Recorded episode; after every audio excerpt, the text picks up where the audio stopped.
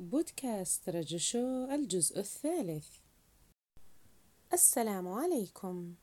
قناة رجشو تحييكم وتتمنى لكم أوقات ممتعة وأنتم تستمعون لنا.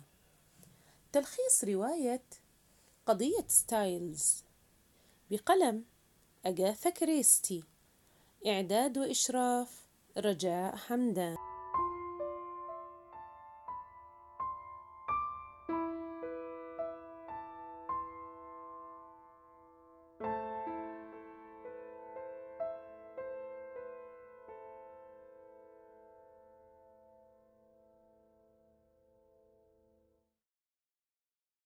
سأل بوارو الكاكاو الموجود في حجرة سيدتك متى قدمتيه لها؟ قالت آني إن الطباخ يصنعه قبل طعام العشاء ثم تضعه جانبا وتأخذه إلى سيدتها عندما تذهب لتغلق الستائر عند الساعة الثامنة لكنه في ذلك اليوم عندما صنعه الطباخ لم تجد مكانا واسعا فأخذته ووضعته على الطاولة في الطابق الأعلى الموجود في يسار الجناح وأخذته إلى حجرة وأخذته إلى حجرة سيدتي في الساعة الثامنة ثم قالت لماذا تسأل عن الكاكاو؟ ليست مشكلتي إن كان به ملح اندهش بوارو وقال ملح لماذا تعتقدين أنه كان به ملحا؟ فأخبرته أنه في تلك الليلة شاهدت على الصينية ملحا خشنا لم يكن موجودا من قبل على الصينية وعندما أخذتها من المطبخ للأعلى لكنها رأته على الصينية عندما أخذتها إلى حجرة سيدتها وشكت أنه كان فقط على الصينية لذلك مسحته بطرف ثوبها وأخذت الصينية لحجرة سيدتها. قالت كان يجب علي أن أعمل كاكاو جديدا لكنني كنت مستعجلة لذلك لم أفكر في صنع كاكاو جديد لها ثم مسحت الملح بطرفي ثوبي. سألها بوارو هل كان الباب الذي يربط بين غرفة السيدة أنجل ثورب وغرفة سينيثيا مقفلا بالمزلاج؟ فأخبرته إنه كان مقفلا بالمزلاج من الداخل ودائما كان كذلك فلم يفتح من قبل. وأن الباب بين حجرة سيدتها وحجرة سيدها كان مقفلا لكنها لم تلحظ إن كان مقفلا بالمزلاج أم لا. وأن سيدتها لم تغلق الباب خلفها مباشرة بعد أن أخذت إليها الكاكاو لكنها كل ليلة تغلقه مساءً. سألها بوارو هل لاحظت دهن شمع على الأرض في حجرة السيدة أنجل ثورب؟ فقالت إنه لم يكن لدى السيدة أنجل ثورب أي شمع في غرفتها. لأن عندها مصباح في حجرتها ولو كان متواجدا كنت سأزيله بالمكواة وورق النشاف.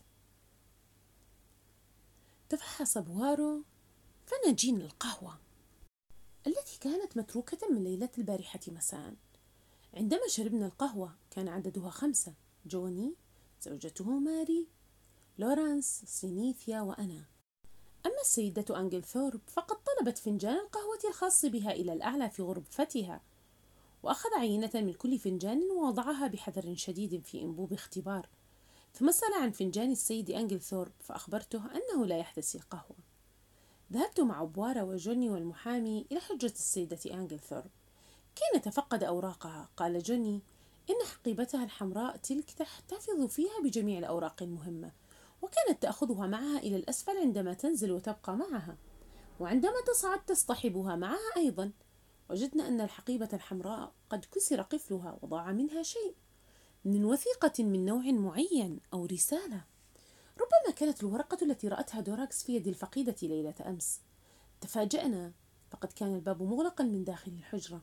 فكيف دخل وجميع الأبواب المؤدية إلى حجرة المقتولة مغلقة بالمفتاح؟ ومفتاحها كان مع بوارو. ثم صرخ بوارو وشتم نفسه وقال إن الحق علي كان يجب أن آخذ الحقيبة وأحتفظ بها معي. لم يكن علي تركها هنا. ربما كان شيئا شديد الأهمية هو الذي ضاع منها. بعد أن هدأ بوارو ذهبنا إلى منزله وبعد وصولنا بفترة قصيرة أتى السيد ميس الصيدلاني مسرعا إلى بيت بوارو. أخبرنا أنه عرف أنها ماتت بسبب السم. دهش بوارو بعلم الصيدلاني كيف توفيت السيدة أنجلثورب. فقال إن الجميع يعرف لكن لماذا أتي إلى هنا وأسأل؟ فنحن لم نكن نعرف بما عرفه هذا. جلسنا نفكر بصمت. قال بوارو إن الأفكار برأسي مشوشة وهذا شيء غير جيد. بقي صامتا ما يقارب ربع ساعة. ثم قال أصبحت الأحداث مرتبة الآن بالنسبة لي في هذه اللحظة. عدنا أدراجنا إلى القصر وهناك وجدنا الجميع مفزوعين وخائفين. وأخبرتنا دوركاس أن رجال البوليس اعتقلت السيد جون كافندش بتهمة تسميم وقتل السيدة أنجلثورب. لم يتوقف بوارو عن نشاطه وتمحيصه في الأمر في الفترة التي سبقت موعد التحقيق. فقد اختلى بالطبيب والكنز مرتين كما أنه مشى في الريف لمسافات كبيرة وطويلة. وقد تضايقت قليلا لأنه لم يضعني معه في تحليل أفكاره الحقيقية. وتمحيصه للأمور. وازداد هذا الإحساس عمقا بي لأنني لم أعرف ما هي أهدافه. خيل لي للحظة أنه ربما كان يعمل بعض التحقيقات في مزرعة رايكس. مشيت في الحقول بجانب منزله قليلا. املا مني بأن ألتقي به بعدما ذهبت إلى منزله ولم أجده. وترددت في الذهاب إلى مزرعة رايكس. ولكن عندما كنت أمشي مبتعدا رأيت فلاحا عجوزا نظر إلي بنظرة عميقة وسألني أنت من القصر صحيح قلت بلى إنني أبحث عن صديق لي. فقال رجل صغير يحرك يديه عندما يتحدث أحد البلجيكيين الموجودين في القرية. قلت متلهفا نعم إذا كان هنا. قال لي أجل. ونظر إلي مرة أخرى نظرة هازلة وقال أنتم رجال القصر يا لكم من مجموعة غريبي أطوار. فسألته وهل يأتي رجال القصر إلى هذا المكان؟ فغمزني وقال واحد على الأقل وهو رجل متحرر جدا ولكني لن أعطيك اسمه. تركته وعدت مسرعا وأنا أشعر بالقرف. فقد كانت إيفي هاورد على حق عندما أخبرتني عن ألفريد أنه كان على علاقة بزوجة المزارع. عقد التحقيق يوم الجمعة في نزل ستايلايت في القرية. جلسنا أنا وبوارو معا فلم نطلب لنعطي فلم نطلب لنعطي الشهادة. بدأت أولى الخطوات وعين المحلفون الجثة وأعطى جون كافنش وصفا للتعريف بها. ثم تم استجوابه فوصف كيف استيقظ في ساعات الصباح الأولى بالإضافة إلى ظروف موت والدته. بعد ذلك جاء الدليل الطبي فهدأت الأنفس وتركزت على الدكتور اللندني الاختصاصي بموضوع السموم برشتاين. وباختصار قال إن السيدة أنجلثورب ماتت نتيجة التسمم بالإستراكينين وعن طريقة تقييم الكمية المستخرجة لا بد أن تكون قد تناولت ما يقارب ثلاثة أرباع حبة بل يحتمل أنها قد تناولت حبة كاملة أو أكثر بقليل. سأل المحقق إن كان من المحتمل أنها شربت السم بنفسها عن طريق الخطأ. أجابه الطبيب إن هذا مستحيل فإن الأستراكينين لا, يستق... لا يستخدم للأغراض اليومية المنزلية مثل بعض السموم وتوجد قيود على بيعه. وسأل المحقق أيضا إن كان إن كانت تناولته السيدة أنجل ثورب مع فنجان القهوة والذي أخذه إليها زوجها في المساء بعد طعام العشاء. فقال الطبيب هناك احتمال لكن الأسركينين سريع المفعول يبدأ مفعوله بعد ساعة أو أكثر بقليل ويمكن تأخير مفعوله تحت ظروف معينة لكن لا يوجد أي ظرف من هذه الظروف مما يدل على أنها تناولت السم في وقت متأخر من الليل. وبعده كان الطبيب ويلكنز هو التالي فأكد على جميع النقاط التي ذكرها زميله. ثم كان التالي لورانس كافنديش وكانت أقواله غير مهمة فقد كانت تكرارا لأقوال أخيه. وعندما أراد النزول رجع فجأة وقال لدي رأي إذا سمحت. فأجابه المحقق نعم تفضل. أوضح لورانس إنها فقط فكرة طرأت علي وبالطبع قد أكون مخطئا في رأيي.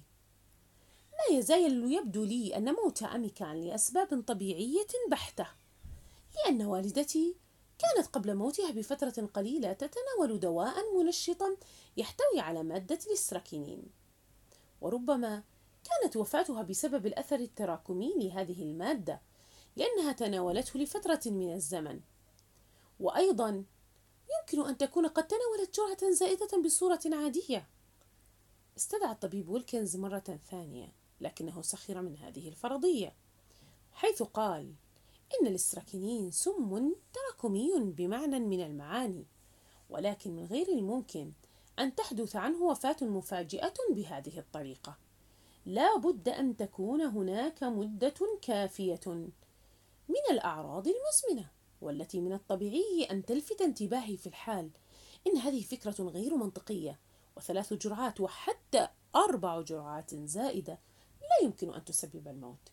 لقد كان للسيدة أنجل ثورب كميات كبيرة من الدواء وتركب لها في كل مرة الجرعة المطلوبة. كان يجب عليها أن تشرب الزجاجة كلها حتى تموت.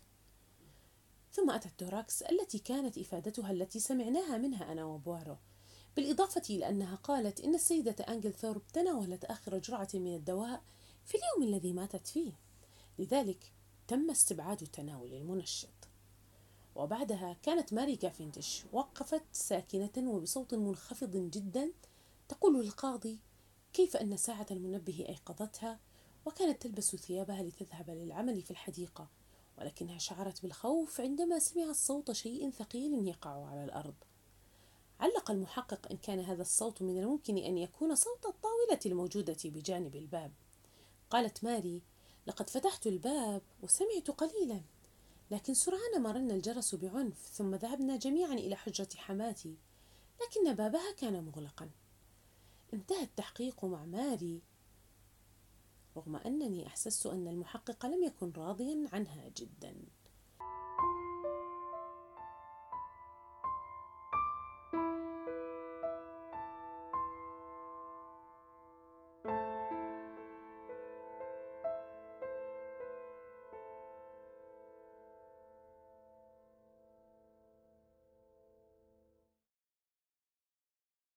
نهاية الجزء الثالث بودكاست رجو شو. إلى اللقاء في الجزء الرابع.